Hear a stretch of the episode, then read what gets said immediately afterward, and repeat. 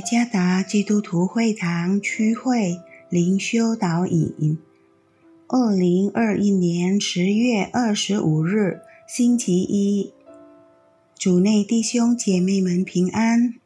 今天的灵修导引，我们要借着圣经阿摩斯书第二章第六到十二节来思想今天的主题。给予至高的价值。作者合成里传道，阿摩斯书第二章第六到十二节。耶和华如此说：以色列人三番四次的犯罪，我必不免去他们的刑罚，因他们为银子卖了一人，为一双鞋卖了穷人。他们见穷人头上所蒙的灰，也都垂涎，阻碍谦卑人的道路。父子同一个女子行淫，亵渎我的圣名。他们在各坛旁铺人所当的衣服，卧在其上，又在他们神的庙中喝受罚之人的酒。我从以色列人面前。除灭亚摩利人，它虽高大如香柏树，坚固如橡树，我却上灭它的果子，下绝它的根本。我也将你们从埃及地领上来，在旷野引导你们四十年，使你们得亚摩利人之地为业。我从你们此地中兴起先知。又从你们少年中兴起拿细尔人、以色列人啊，不是这样吗？这是耶和华说的。你们却给拿细尔人酒喝，嘱咐先知说：不要说预言。”MacChandler 和 Gerald Wilson 在他们名为《清晰福音》的书中写道：敬拜日。给予某物至高的价值。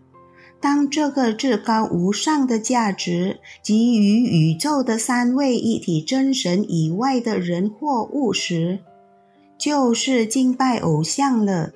所以，基督徒敬拜的基础是承认、顺服的态度和享受上帝荣耀至高无上的威严。先知阿摩斯指出，以色列人给予他们的罪行至高的价值，这些可以从他们以不公平和不公义的对待他人证明出来。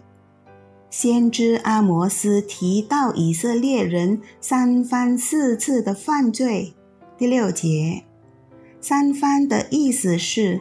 形容完美无缺的数字，然而再加上一次，就意味着他们的罪行非常完整。他们为了银子和物质互相剥削。第六节，他们贬低和误导他人。第七节，父子。和一个年轻女子行淫，以满足他们的情欲。第七节，他们抢夺不属于他们的东西，并在神的庙中享受醉酒。第八节，他们强迫献给上帝的子弟喝酒，迫使得他们不需要保守圣洁的生活。第十二节的上半节，他们也反对先知传讲上帝的审判，而更喜欢听顺耳的讲道。第十二节的下半节，他们故意忘记是上帝拯救了他们，免受亚摩利人的攻击。第九节。他们忽略了那位释放、引领他们的祖先走出埃及的奴役，并带领他们在旷野四十年的上帝。第十节，他们不在乎上帝呼召并预备从他们子弟中兴起先知，又从他们少年中兴起忠于他的人。第十一节。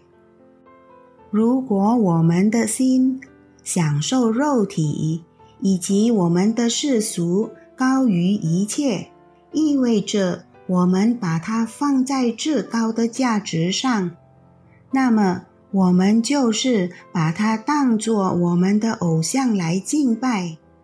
但是，如果我们的心享受上帝话语的威严、真理，并顺服它，那么我们就将至高的价值归于三位一体神，作为我们生命的唯一掌管者——基督耶稣的救赎。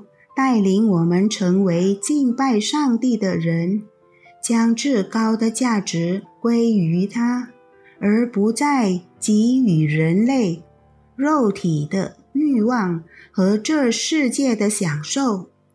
只有在基督耶稣里的上帝，才配得我们这些敬拜他的人的至高价值。除他以外，再无其他配得的。给予上帝至高的价值，意味着没让其他任何人事物，而唯有他成为生命的唯一掌管者。主耶稣赐福。